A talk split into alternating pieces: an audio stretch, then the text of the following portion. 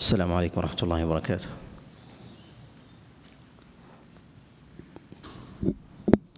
الحمد لله رب العالمين وصلى الله وسلم وبارك على نبينا محمد وعلى آله وأصحابه ومن تبعهم بإحسان إلى يوم الدين. أما بعد ففي هذا المجلس آه، نختم ما يتعلق بأبواب التطوع آه، من أبواب الصلاة. مما تكلم عليه العلماء من السنن الواردة في هذا الباب عن رسول الله صلى الله عليه وسلم. وهذا المجلس وفي التاسع عشر من شهر ذي القعدة من العام الخامس والثلاثين بعد الأربعمائة والألف. ونشرع في أول هذه الأحاديث وهو حديث أبي أيوب الأنصاري عليه رضوان الله تعالى أن رسول الله صلى الله عليه وسلم قال الوتر حق فمن شاء أن يوتر بسبع فليوتر ومن شاء أن يوتر بخمس فليوتر ومن شاء أن يوتر بثلاث فليوتر ومن شاء أن يوتر بواحدة فليوتر. هذا الحديث قد جاء رسول الله صلى الله عليه وسلم بجملة من الألفاظ أخرجه الإمام أحمد وأبو داود والدار قطني وغيرهم من حديث الزهري عن عطاء بن يزيد. عن أبي أيوب الأنصاري عن رسول الله صلى الله عليه وسلم وقد وقع في هذا الحديث اختلاف كثير بين رفعه ووقفه ووصله وإرساله وكذلك أيضا قطعه. قد جاء في ذلك من وجوه من وجوه متعددة. واختلف فيه كلام العلماء إلا أن عامة العلماء يطبقون عن الأوائل يطبقون على أن هذا الحديث ليس من قول رسول الله صلى الله عليه وسلم من وجه صحيح. فمنهم من يصحح الموقوف ومنهم من يميل إلى صحة المقطوع. وأما بالنسبة للمرفوع المسند عن رسول الله صلى الله عليه وسلم فلم يكد أحد من الأوائل أن يقول أن يقول بتصحيحه. هذا الحديث قد اختلف فيه من جهة الوقف والرفع فقد رواه جماعة مرفوعا إلى رسول الله صلى الله عليه وسلم مسندا. هكذا رواه بكر بن وائل والأوزاعي وسفيان آه، وغيرهم يروونه بهذا الإسناد عن ابن شهاب الزهري عن عطاء بن يزيد عن أبي أيوب الأنصاري عن رسول الله صلى الله عليه وسلم مسندا من قوله. وقد جاء موقوفا قد رواه معمر بن راشد الأزدي في أصح الوجوه في أصح الوجوه عنه. رواه عنه جماعة رواه عنه عبد الرزاق بن همام الصنعاني وكذلك أيضا رواه سفيان بن عيينة يرونه عن معمر عن معمر بن راشد الأزدي عن ابن شهاب الزهري عن عطاء بن يزيد عن أبي أيوب الأنصاري من قوله فلم يرفعوه إلى رسول الله صلى الله عليه وسلم صوب الوقف النسائي رحمه الله. وقد جاء هذا الحديث عند ابن أبي شيبة ليس من قول ليس من قول أبي أيوب ولا من قول النبي صلى الله عليه وسلم وإنما جعلوه مقطوعا وإنما جعلوه جعلوه مقطوعا. وقد أعل أبو حاتم رحمه الله الحديث المرفوع سواء كان موصولا أو كان مرسلا. فأعلها أعلها جميعا وكأنه يرى نكارة رفع الحديث إلى رسول الله صلى الله عليه وسلم. جاء في بعض وجوه الحديث لفظ واجب في قوله الوتر حق واجب. جاءت رواية واجب عند الدار قطني في كتابه السنن من حديث محمد بن حسان الأزرق عن ابن عيينة عن ابن شهاب الزهري عن عطاء بن يزيد عن أبي أيوب الأنصاري عن رسول الله صلى الله عليه وسلم أنه قال الوتر حق واجب. ولفظ الواجب في هذا الحديث زيادة منكرة. قد أعلها الدار قطني رحمه الله وقال تفرد بها محمد بن حسان الأزرق. ومحمد بن حسان الأزرق آه، في طبقة متأخرة وكذلك أيضا فإنه ليس بذاك الحافظ ليس بذاك الحافظ. والتفرد أيضا الدار قطني بإخراجه لهذه الزيادة في مثل هذا الحديث أمارة أمارة على النكارة والرد. ثم إنه لم يثبت عن رسول الله صلى الله عليه وسلم ولا عن أحد من أصحابه القول بأن الوتر القول بأن الوتر واجب. وهذه اللفظة إما أن تكون من فقه محمد بن حسان وهذا هو الأقرب والأشبه وإما أن يكون توهمها من حديث بعض الرواة الذين نقله عنه. فظن أن كلمة حق يرادفها كلمة الواجب فأراد من ذلك في ذلك التأكيد. وهذا القول هو قول قول مردود وهذا القول قول مردود. والحديث الثاني من أحاديث الباب هو حديث عبد الله بن بريدة عن أبيه أن رسول الله صلى الله عليه وسلم قال الوتر حق ومن لم يوتر فليس منا. وفيه زيادة من لم يوتر فليس منا. قد أخرجه أحمد في كتابه المسند وأبو داود من حديث عبيد الله بن عبد الله العتكي المروزي أبي المنيب عن عبد الله بن بريدة عن أبيه عن رسول الله صلى الله عليه وسلم. وهذا الحديث تفرد به عبيد الله العتكي عن عبد الله بن بريدة عن أبيه عن رسول الله صلى الله عليه وسلم وتفرده في ذلك منكر. تفرده في هذا منكر. وعبد الله بن بريدة في روايته عن أبيه يروي عنه جماعة من الرواة. وتفرد عبيد الله بمثل هذا الحديث مما يرد عادة مما يرد عادة لأن هناك من هم أحفظ منه. ومضمون هذا الحديث ومضمون هذا المتن يدل على على وجوب الوتر على وجوب الوتر. وأبو المنيب عبيد الله ابن عبد الله العتكي قد تكلم فيه غير واحد من الأئمة كما قال البخاري رحمه الله منكر الحديث. وضعف حديثه ولينه النسائي وغيره. وتفرده بهذا الحديث وتفرده بهذا الحديث منكر. تفرده بهذا الحديث منكر. وإنما رد تفرده بهذا من وجوه. أولها أن عبد الله بن بريدة له أصحاب يروون عنه حديثه يروون عنه حديثه من كبار أصحابه. الأمر الثاني أن هذا الحديث يتضمن أمرا واجبا من أمور العبادة وليس من أي العبادات وإنما هي الركن الثاني من أركان الإسلام وهي الصلاة. فإيجاب مثلها لا بد أن يرد بحديث قوي. لا بد أن يرد بحديث بحديث قوي. ولا يرد بمثل تفردات العتكي بمثل هذا. ولهذا الأئمة عليهم رحمة الله تعالى ينكرونه من جهة الإسناد والتفرد وكذلك أيضا من جهة من جهة المتن للتفرد بهذا بهذا المعنى. قد جاء عن رسول الله صلى الله عليه وسلم جملة من الأحاديث. في مسألة الوتر ووجوبها ونتكلم عليها بإذن الله عز وجل. سردا جاء ذلك من حديث عمر بن العاص وجاء أيضا من حديث خارجة بن حذافة وجاء أيضا من حديث عبد الله بن عباس عليه رضوان الله تعالى وجاء أيضا من حديث أبي هريرة عن رسول الله صلى الله عليه وسلم. وهذه الأحاديث لا تخلو من علل. الحديث الثالث من أحاديث هذا الباب هو حديث أبي هريرة عليه رضوان الله أن رسول الله صلى الله عليه وسلم قال إن الله زادكم صلاة وهي صلاة الوتر يعني على الصلوات الخمس. وهذا الحديث قد أخرجه الإمام أحمد في كتابه المسند من حديث خليل بن مرة عن معاوية بن قرة عن أبي هريرة عن رسول الله صلى الله عليه وسلم. وهذا الحديث أيضا معلول بعدة علل إسنادية ومنها متنية. أما بالنسبة للإسنادية فإن هذا الحديث قد تفرد به خليل بن مرة. وخليل بن مرة منكر الحديث قد أنكر حديثه البخاري وكذلك النسائي وغيرهم. وكذلك أيضا من علله فإن هذا الحديث يرويه معاوية بن قرة عن أبي هريرة عن رسول الله صلى الله عليه وسلم. ومعاوية بن قرة لم يسمع من أبي هريرة كما قال ذلك الإمام أحمد. كما قال ذلك الإمام أحمد. اذا فهو معلول برواته ومعلول أيضا من قطاعه والانقطاع يتضمن جهاله. وهي الواسطه بين معاوية بن قرة وبين أبي هريرة.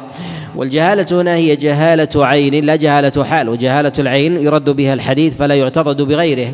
فربما كانت الواسطة في ذلك واسطة واسطة كاذبة أو متروكة أو ضعيفة الحديث جدا. ولهذا نقول إن الانقطاع بين الراويين ولو كانوا ثقات تكون هذه الرواية هذه الرواية مطروحة. لماذا؟ لأن جهالة العين لا تقبل المتابعة بخلاف جهالة الحال. جهالة الحال إذا احتفت القرائن بعدم كذبه وذلك برواية الثقات عنه وسمي وعرفت عينه واحتفى بأوصاف واحتفى بأوصاف. وتقدم معنا الإشارة في مواضع. ذكرنا ذلك نثرا ذكرناها إجمالا في بعض المواضع في دروس المصطلح. أن الأئمة عليهم رحمة الله إنما يردون الأحاديث إذا كان فيها إذا كان فيها جهالة عين. وربما قبلوا جهالة الحال لجملة من القرائن لجملة من القرائن. وذلك بجهالة الحال مثلا في رواية الراوي الثقة الضابط عن شخص معروف بعينه وإذا كان في طبقة متقدمة أو احتفى به وصف من الأوصاف الذي يتضمن عدالة. وذلك كوصفه مثلا بالزهد والديانة وذلك احترازا من كذبه وكذلك أيضا أن يوصف بولاية شرعية كإمامة الصلاة أو الأذان أو القضاء أو الجهاد أو غير ذلك من الولايات التي يتولاها أو الأعمال التي يعملها الإنسان. فهذه قرينة تعدل الإنسان فهذه قرينة تعدل الإنسان. كذلك أيضا عدد مروياته التي يرويها فإذا روى مرويات عدة فإذا روى مرويات عدة فهذا يمكن معه السبر فهذا يمكن معه السبر فيستطيع حينئذ طالب العلم أن يميز بين ما يتفرد به الراوي وما لا ما لا يتفرد به عن الثقات من جهة المعاني ويستطيع حينئذ أن يحكم على هذه الرواية. ومن وجوه الإعلال أيضا في هذا أن أبا هريرة راوية ومكثر أصحاب رسول الله صلى الله عليه وسلم وله أئمة من الرواة من التابعين يأخذون حديثه. فلما لم يكن ثمة واسطة معروفة إلا هذه الجهالة العينية دل على عدم الاعتداد بمثل هذا المتن. على عدم الاعتداد بمثل هذا المتن عند نقلة الأخبار عن أبي هريرة عليه رضوان الله. وأبو هريرة من كبار الصحابة وأكثر الصحابة رواية. وأصحابه يعتنون بأخذ حديثه. فإذا لم يعتنوا بالطبقة الأولى وفاتهم حديث فإن الطبقة الثانية لا يفوتهم ذلك الحديث ولو رواه بواسطة.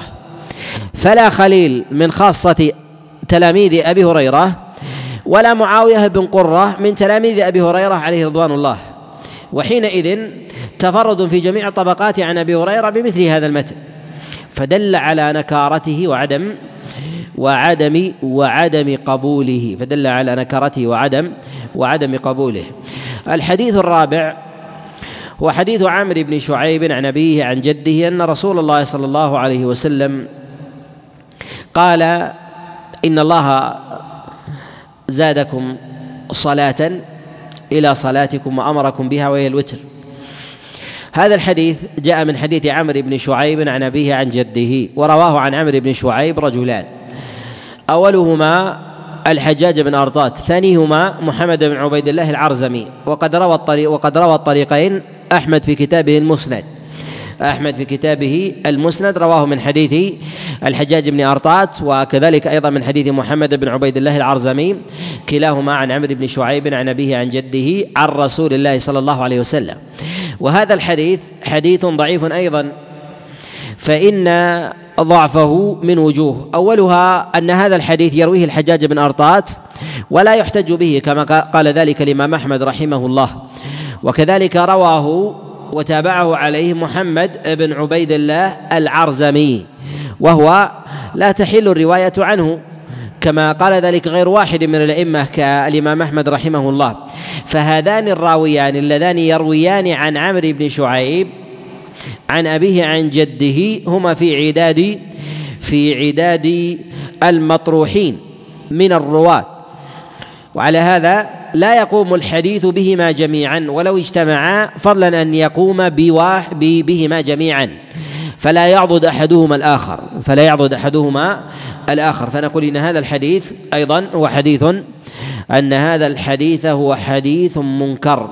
تفرد به هذان الراويان وهما في عداد في عداد آه، أو من المعدودين من الرواة أو الموصوفين بالضعف بالضعف جدا. ومع ضعفهم وصفا بالتدليس مع ضعفهما وصف بالتدليس. كذلك أيضا فإن صحيفة عمرو بن شعيب عن أبيه عن جده من الصحيح من الصحائف المكتوبة من الصحائف المكتوبة. ومثلها ينقل ويضبط مثلها ينقل ويضبط وعادة في مثل هذه الأحكام وهذه المرويات التي تأتي عن النبي عليه الصلاة والسلام في مثل هذه الأحاديث لو جاءت من وجه يأتي معانيها من وجوه أخرى خاصة أن هذه الصلاة هي من الصلوات اليومية من الصلوات اليومية. وعمر بن شعيب في هذه الصحيفة عن أبي عن جدي له روايات مناكير له روايات مناكير.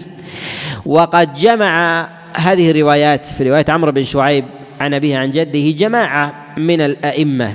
جماعة من الأئمة ممن يعتني بالنسخ وكذلك أيضا بالصحائف ومنهم من أورد علل هذه الروايات.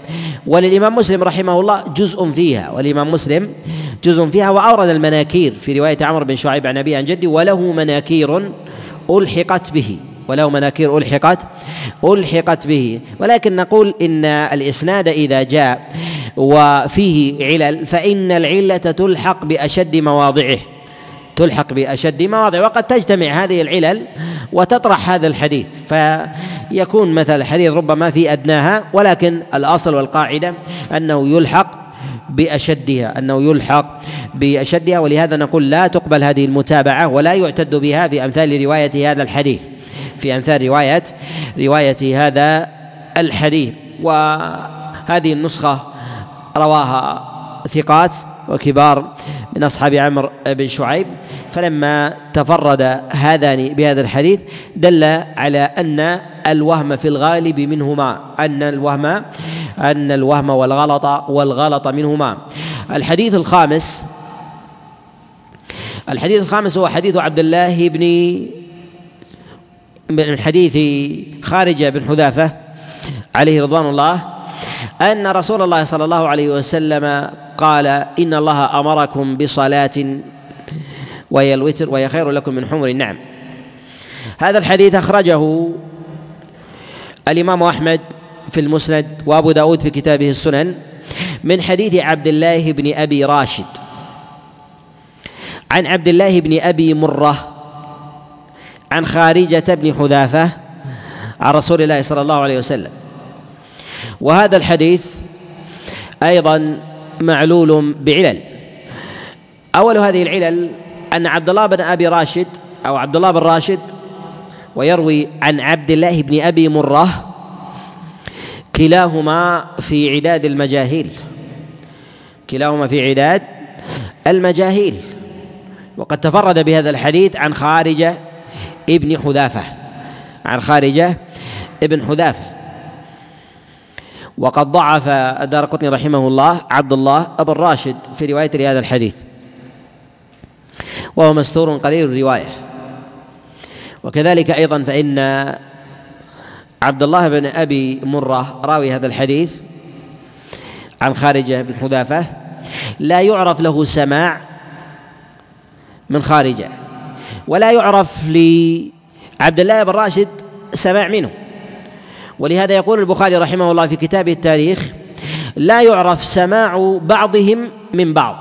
لا يعرف سماع بعضهم من بعض. يعني لا سماع عبد الله بن راشد من عبد الله بن أبي مرة ولا رواية عبد الله بن أبي مرة عن خارجة فلا يعرف سماع هذا من هذا وهذا كثيرا ما يقع في المجاهيل كثيرا ما يقع في المجاهيل. فإذا كانت قد جهلت عينه فتجهل أحكامه من جهة السماع من جهة السماع. وكذلك أيضا الرحلة ونحو ذلك. فإن هذه من وجوه معرفة عينه من وجوه معرفة عينه. هل سمع منه أو لم يسمع؟ وهل ارتحل إليه ولم يرتحل في حال اختلاف البلدان وطول الملازمة ونحو ذلك؟ هذه لا بد أن تعرف حال الراوي. لا بد أن تعرف حال الراوي. فإذا جهلت حال الراوي ولم تعرفه فإنه حينئذ فأمار على أنك لا تعرف هل سمع منه أو لم أو لم يسمع. وغالبا ما يستعمل البخاري رحمه الله في كتابه التاريخ لا يعرف سماع بعضهم من بعض في الأسانيد المجهولة. في الأسانيد المجهولة التي يروي فيها مجهول عن مجهول. يروي فيها مجهول عن عن مجهول. ولهذا يقول البخاري رحمه الله في كتابه التاريخ في ترجمة عبد الله بن أبي مرة يقول لا يعرف إلا بحديث الوتر. يعني هذا. لا يعرف إلا في حديث الوتر. يعني هذا عن خارج بن حذافة عن رسول الله صلى الله عليه وسلم. وعلى هذا نقول إن هذا الحديث آه، اجتمع فيه عدة علل إسنادية والعلة المتنية قد اشتركت فيما اشتركت فيما سبق بالعلل الأخرى. جاء لهذا الحديث شاهد من حديث عبد الله بن عباس بنحوه. بنحوه جاء من حديث النضر أبي عمر عن عكرمة عن عبد الله بن عباس عن رسول الله صلى الله عليه وسلم. وهذا الحديث فيه النظر أبو عمر يرويه عن عكرمة عن عبد الله بن عباس. وحديثه ضعيف. ضعفه أحمد وغيره. وكذلك أيضا فإنه يروي هذا الحديث عن عكرمة عن عبد الله بن عباس عن رسول الله صلى الله عليه وسلم وعكرمة من خاصة أصحاب عبد الله بن عباس. ومن المكثرين بالأخذ عنه وله أصحاب يعتنون بروايته أيضا فتفرد مثل النظر به عن عن عكرمة عن عبد الله بن عباس مما يستنكر مما مما يستنكر لثقل هذا المتن. لثقل هذا المتن وهو إن الله أمركم بصلاة وهي الوتر والأمر بالصلاة يفيد الوجوب والأمر بالصلاة يفيد الوجوب. هذه الأحاديث جاءت في الأمر بصلاة الوتر ونعلها جميعا بجملة من العلل من أبواب الرواية أن أنه لا يحفظ عن أحد من أصحاب رسول الله صلى الله عليه وسلم بسند صحيح أنه قال بوجوب الوتر.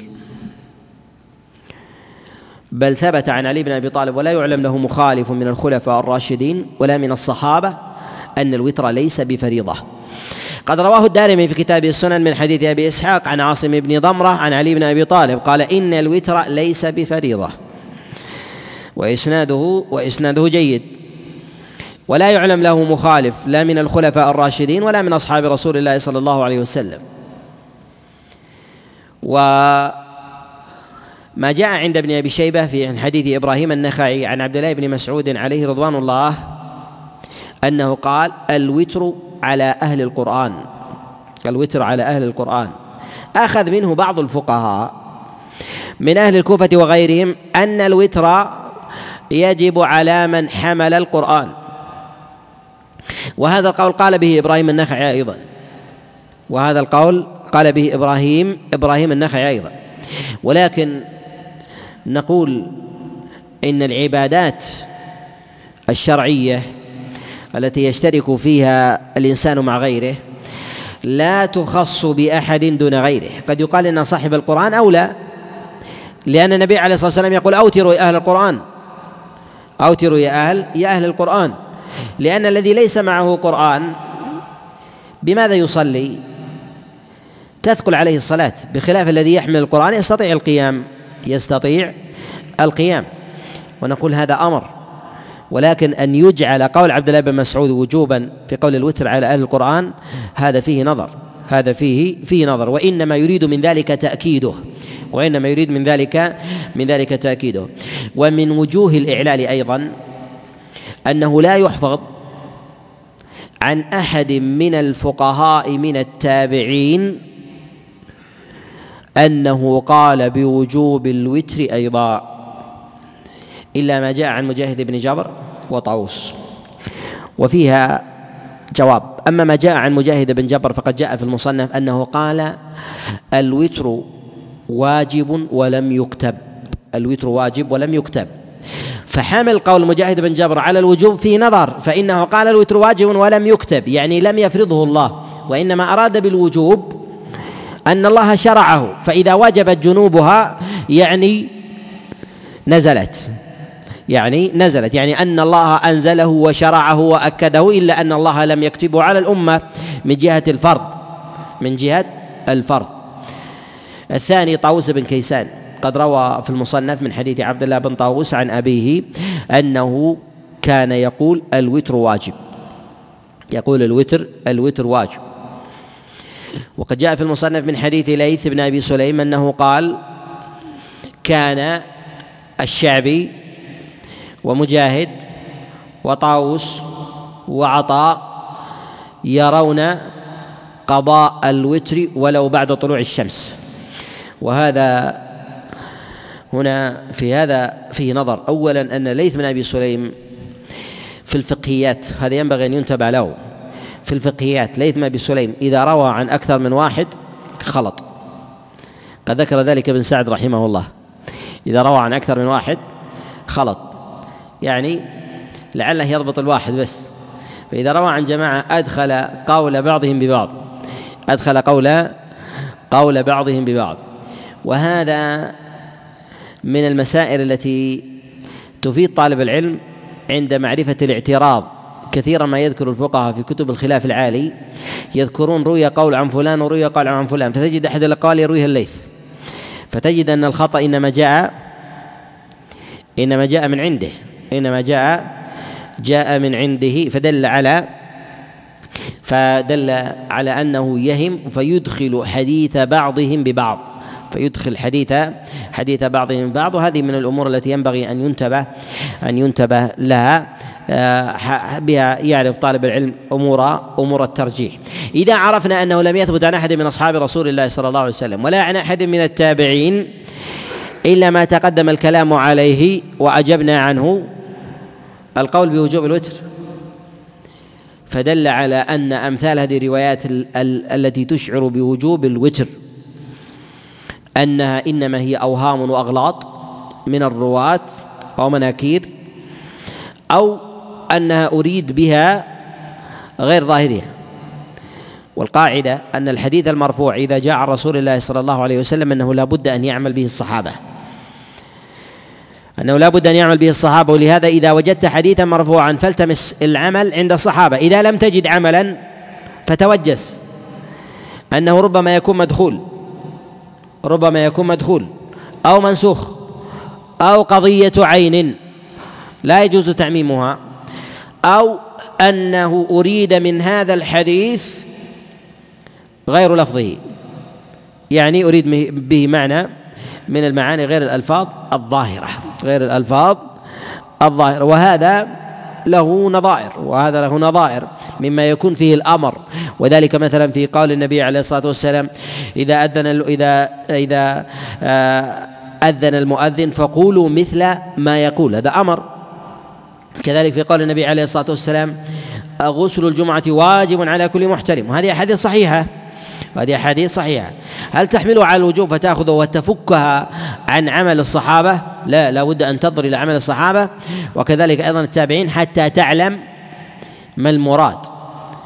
وكان التابعون وأتباع التابعين يعظمون عمل الصحابة في فهم الحديث.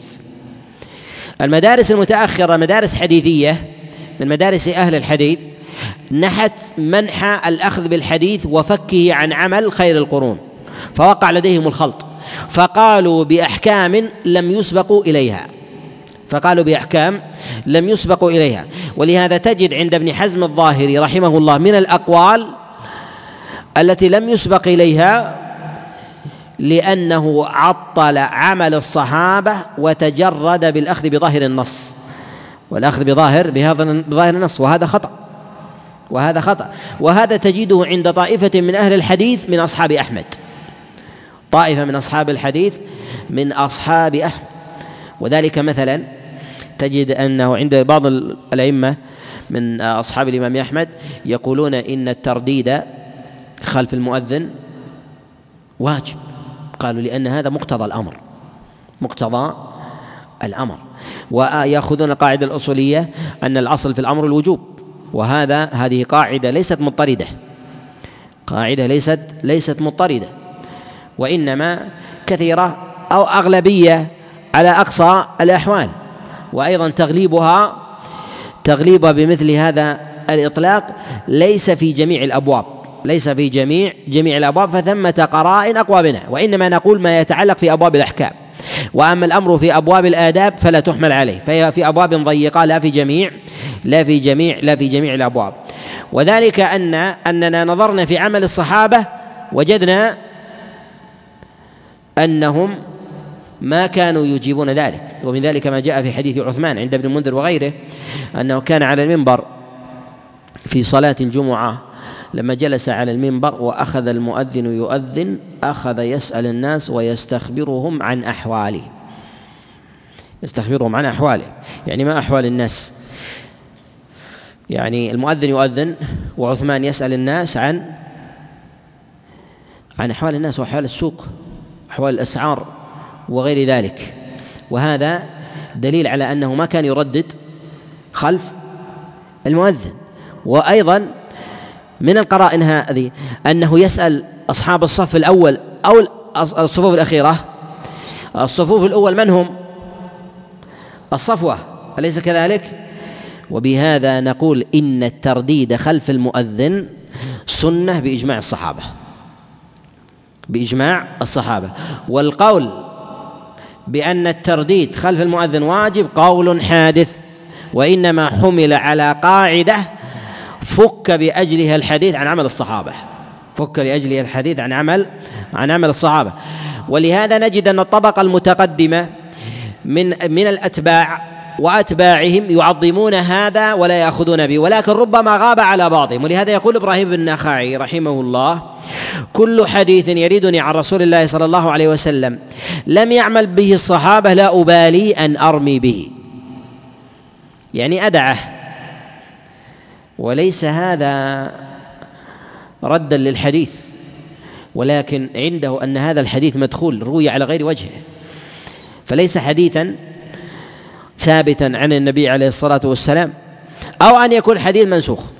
أو يكون الحديث منسوخ. وهذا ما ينبغي أن يعتني به طالب العلم أنه إذا أخذ الفقه يأخذه من علو يأخذه من النص ثم ينزل إلى قول الصحابة ثم ينزل إلى قول التابعين.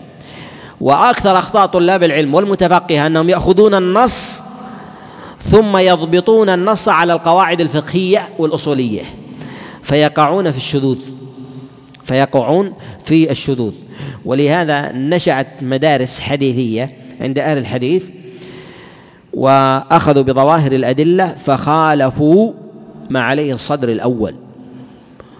وظنوا أنهم يتبعون السنة. وهم؟ وهم على وهم وغلط. وهذه المدرسة نجدها كثيرة. ينحى منحاها بعض المتأخرين. ينحى منحاها بعض المتأخرين وذلك مثلا كالشوكاني والصنعاني وصديق حسن خان وكذلك أيضا من المتأخرين الألباني رحمه الله. الباني رحمه الله مع جلالة هؤلاء وفضلهم إلا أنهم ينحون إلى مثل هذا المنح ينحون إلى مثل هذا المنح. ولهذا هذه المدرسة تجد أنها تتوافق في مسائل مع ابن حزم الظاهري في مسائل مع ابن حزم الظاهري وفيها فيها تشابه في آه، بعض المسائل في مخالفة الدليل وعدم ورود هذه الأقوال عن الصحابة عليهم رضوان الله تعالى وإن كانوا على سنة واتباع إلا أنه ينبغي أن ينتبه إلى هذه أمثال هذه المسائل في الضبط في ضبط الأقوال الفقهية. وبالنسبة لأحاديث الوتر والآثار المروية في ذلك عن الصحابة عليهم رضوان الله تعالى لا أعلم أحدا من أصحاب النبي عليه الصلاة والسلام قال بوجوب الوتر ولا عن أحد من التابعين قال بوجوب الوتر إلا ما تقدم عن مجاهد وهو قال واجب ولم يكتب فلم يرد بذلك الفرضية. ومن حكى عنه الفرضية من الفقهاء المتأخرين فحكايته في ذلك خطأ. وأما ما جاء أيضا عن طاووس بن كيسان فيما يرويه عنه ابنه أنه قال الوتر واجب. الوتر. واجب. فنقول مثل هذا الأمر. ربما ما أراد الوجوب الاصطلاحي. ما أراد الوجوب الاصطلاحي وإنما أراد التأكيد والتشريع. التأكيد والتشريع. ومن هذه الحكاية نستفيد على أنه لم يحفظ عن فقهاء المدينة الأوائل القول بوجوب الوتر. القول بوجوب بوجوب الوتر. وهذا وهذا قرينة أيضا على على ضعف الأحاديث المرفوعة. على ضعف الأحاديث المرفوعة في إيجاب الوتر وفرضيتها. في إيجاب الوتر و وفرضيتها. كذلك أيضا آه، في في هذا أن الوتر من العبادات اليومية. تقدم معنا الإشارة أن العبادات اليومية التي ترد عن النبي عليه الصلاة والسلام ينبغي أن تتقارب في قوة الورود إذا تقاربت في الحكم. إذا تقاربت في الحكم. وهذه وهذه تفيد طالب العلم من جهة العلل ومن من جهة ومن جهة الأحكام. إذا كانت الصلاة يومية كالوتر وكانت فرض إذا قلنا بوجوبها فهي كالصلوات الخمس أو قريبة منها. أليس كذلك؟ إذن وجوبها يجب أن يكون أقوى من وجوب الجمعة من جهة النص أو لا؟ لأن الجمعة أسبوعية. ونصوصها يجب أن تكون الفرضية أن تكون أقوى من أحاديث الاستسقاء أحاديث الكسوف أحكام صلاة الخوف وغير ذلك لأنها لانها دونها ولهذا إذا قويت هذه وضعفت هذه دل على على ضعف هذا لأن العبادة اليومية يجب أن توثق.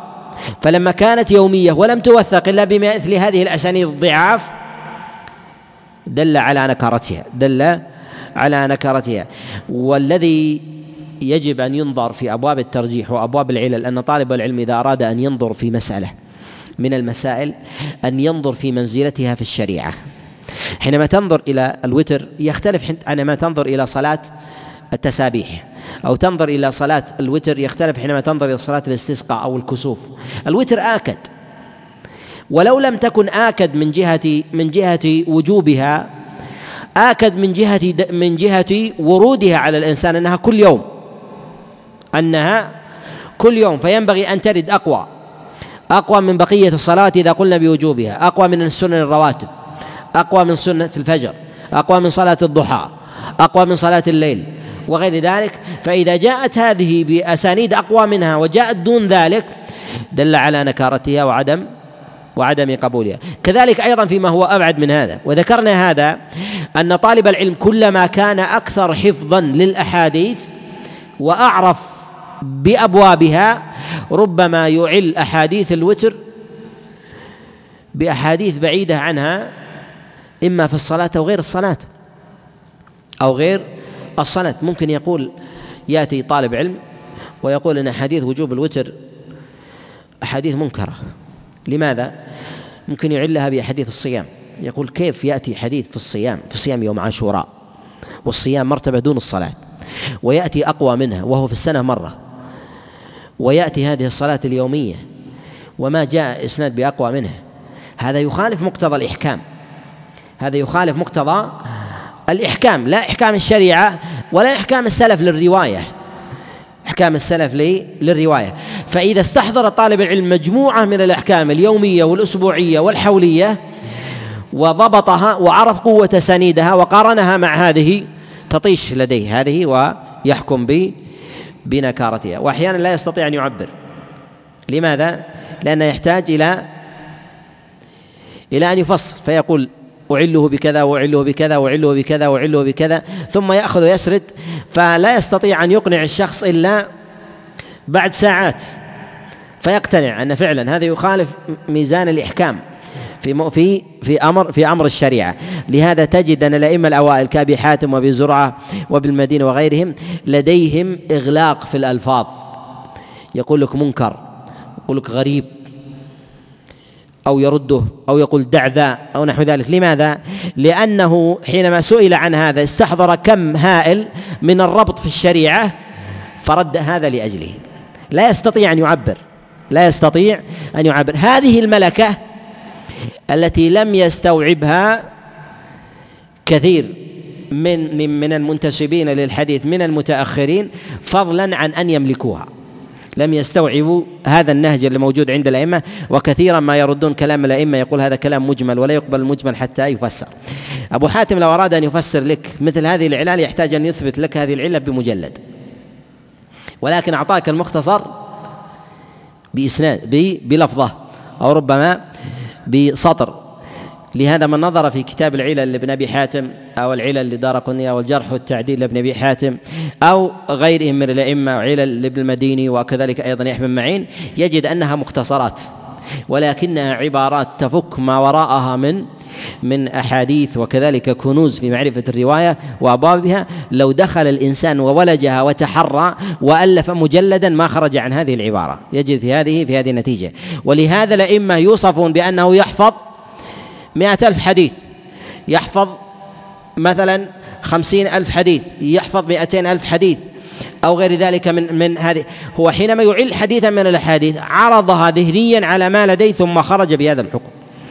خرج بهذا بهذا الحكم. آه، ننتهي بهذه الأحاديث بحديث الوتر.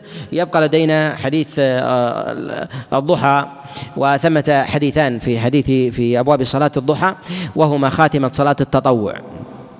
أول هذه الأحاديث هو حديث أنس بن مالك عليه رضوان الله تعالى أن رسول الله صلى الله عليه وسلم قال من صلى الوتر ثنتي عشرة ركعة صلاة الضحى. من صلى الضحى ثنتي عشرة ركعة بنى الله له قصرا في الجنة. الحديث أخرجه الإمام أحمد في المسند وأبو داود وكذلك أيضا الترمذي. من حديث من حديث موسى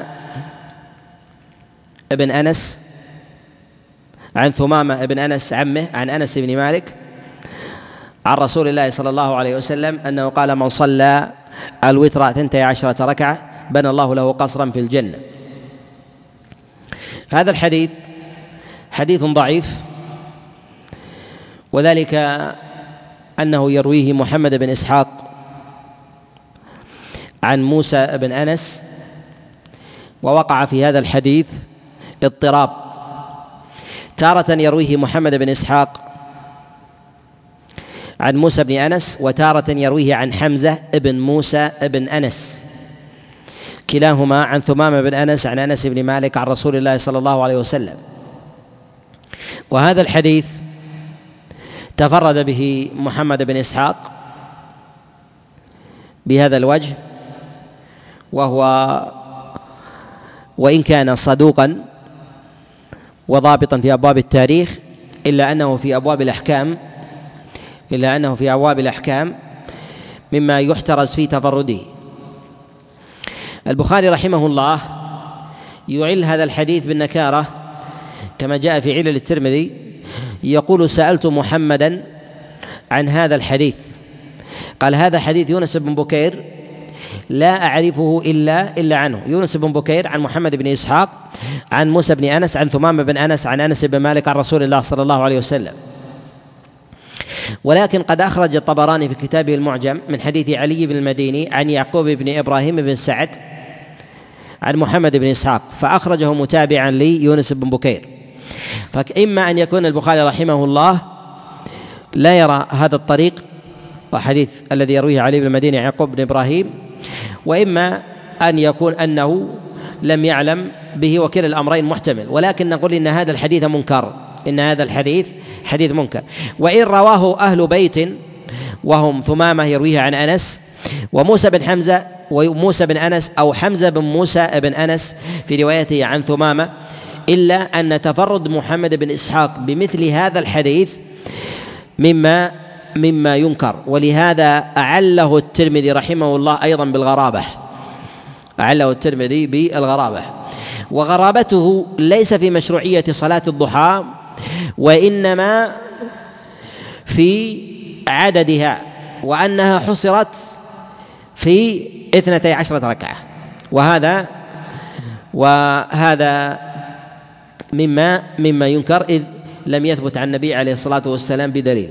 جاء حديث آخر وهو الحديث الثاني في حديث الضحى والأخير وحديث أبي حديث ابن عمر عليه رضوان الله تعالى أن رسول الله صلى الله عليه وسلم قال من صلى صلاة الضحى ركعتين لم يكتب من الغافلين ومن صلاها اربعا كتب من المحسنين ومن صلاها ستا كتب من الفائزين ومن صلاها ثمان كتب من القانتين ومن صلاها عشرا لم تكتب عليه سيئة في يومه ذلك ومن صلاها ثنتي عشرة ركعة بنى الله له بيتا في الجنة. هذا الحديث حديث منكر أيضا يرويه إسماعيل أبو الرافع ابن عويمر عن إسماعيل بن عبيد الله عن عبد الله ابن عمر. وهذا الحديث تفرد به إسماعيل بن رافع وهو ضعيف الحديث. ضعف حديثه النسائي وغيره. وفيه تفصيل صلاة الضحى تفصيل فضلها بيان عدد ركعاتها. وصلاة الضحى لم يثبت عن النبي عليه الصلاة والسلام حصرها بعدد معين وإنما حث عليها وذكرت بالركعتين وهي أدناها ويجوز للإنسان أن يزيد عليها ويجوز للإنسان أن يزيد أن يزيد عليها. وأما حصرها في هذا العدد فهو حصر منكر. إذ لا بد أن يثبت بأحاديث صحيحة عن رسول الله صلى الله عليه وسلم. ثم أيضا إن هذا الحديث إن هذا الحديث فيه بيان فضل لهذه الصلوات وهي اثنتي عشرة ركعة وقد جاء في حديث أم حبيبة عن النبي عليه الصلاة والسلام تقدم معنا أن النبي عليه الصلاة والسلام قال من صلى لله في اليوم اثنتي عشرة ركعة بنى الله له بيتا في الجنة. هذا الحديث في صحيح الإمام مسلم. جاء تفصيله في السنن جاء تفصيله في السنن. على خلاف ما جاء في حديث وبذات الثواب في هذا الحديث في حديث عبد الله بن عمر عليه رضوان الله. قال ركعتين قبل الظهر وركعتين بعدها وركعتين قبل العصر وركعتين بعد المغرب وركعتين بعد العشاء وركعتين قبل الفجر. وجاء في بعض الروايات أربع قبل الظهر وركعتين بعدها. وجاء بعض الروايات أربعا قبل الظهر وأربعا بعدها. وهذا الحديث هو حديث منكر. وجاء في السنن من حديث مؤمل ابن إسماعيل عن سفيان عن أبي إسحاق عن المسيب بن رافع عن عنبسة عن أم حبيبة عليه رضوان الله عن رسول الله صلى الله عليه وسلم. وهو في الصحيح من غير سرد العدد وإنما ذكره على سبيل الإجمال. وقد جاء في صحيح الإمام مسلم من حديث المسيب عن من حديث عنبسة عن أم حبيبة عليه رضوان الله تعالى وما ذكر التفصيل وهو الصحيح وذكر التفصيل منكر. وأما ذكر الأربع قبل الظهر والأربع قبل العصر. فهذا يدل على الاضطراب. فإنه تارة يذكر ركعتين قبل الظهر وتارة أربع وتارة يذكر ركعتين بعدها وتارة أربع وتارة يذكر ركعتين قبل العصر وتارة لا يذكر فيها فيها شيء. وهذا اضطراب للمتن مع علة الإسناد. ومعلوم انه أن يرويه عن عنبسه مكحول ومكحول لم يسمع آه، من عنبسه كما قال ذلك غير واحد من الأئمة. تقدم معنا في مجلس سابق الكلام على هذا. وهذا مما يعيل به حديث الباب مما يعيل به حديث الباب في جعل هذه الركعات آه، بهذا العدد أنها صلاة الضحى وذاك جاء على إجمالها وحملت على انها على انها أنها ركعات أنها الركعات الراتبة في للصلوات سواء كانت القبلية أو كانت أو كانت البعدية. وهذا الحديث وفي حديث صلاة الضحى لا يعرف إلا من هذا الوجه بهذا الإسناد بمثل هذا التفصيل بمثل هذا التفصيل والحديث في ذلك والحديث في هذا منكر والحديث في هذا منكر وبحاجة إلى أن يثبت بما هو أقوى من ذلك. وثم أيضا إن هذا الحديث يتضمن على أن الزيادة على هذا العدد ليس من السنة. زيادة على هذا العدد ليس من السنة والأمر في ذلك واسع. الأمر في هذا واسع. وقد صلى النبي عليه الصلاة والسلام كما في حديث أم هاني صلاة الضحى ثمان ركعات. ثمان ركعات. فإذا صلاها ركعتين لا بأس إذا صلى أربعا أو ستا أو ثمان أو عشر أو أكثر من ذلك فهذا مما لا حرج لا حرج فيه إلا أن تقييدها إلا أن تقييدها منكر. نتوقف عند هذا القدر وبه آه، نكون قد انتهينا من أبواب الصلاة التطوع. ونكمل في المجلس القادم بإذن الله عز وجل ما تبقى من من آه، الأحاديث المتعلقه بأبواب الصلاة ما يتكلم عليه العلماء. أسأل الله عز وجل لي ولكم التوفيق والسداد والإعانة وأن يلهمنا رشدنا وأن ينفعنا بما سمعنا وأن يجعله حجة لنا لا علينا. إنه لذلك القادر عليه. صلى الله وسلم وبارك على نبينا محمد.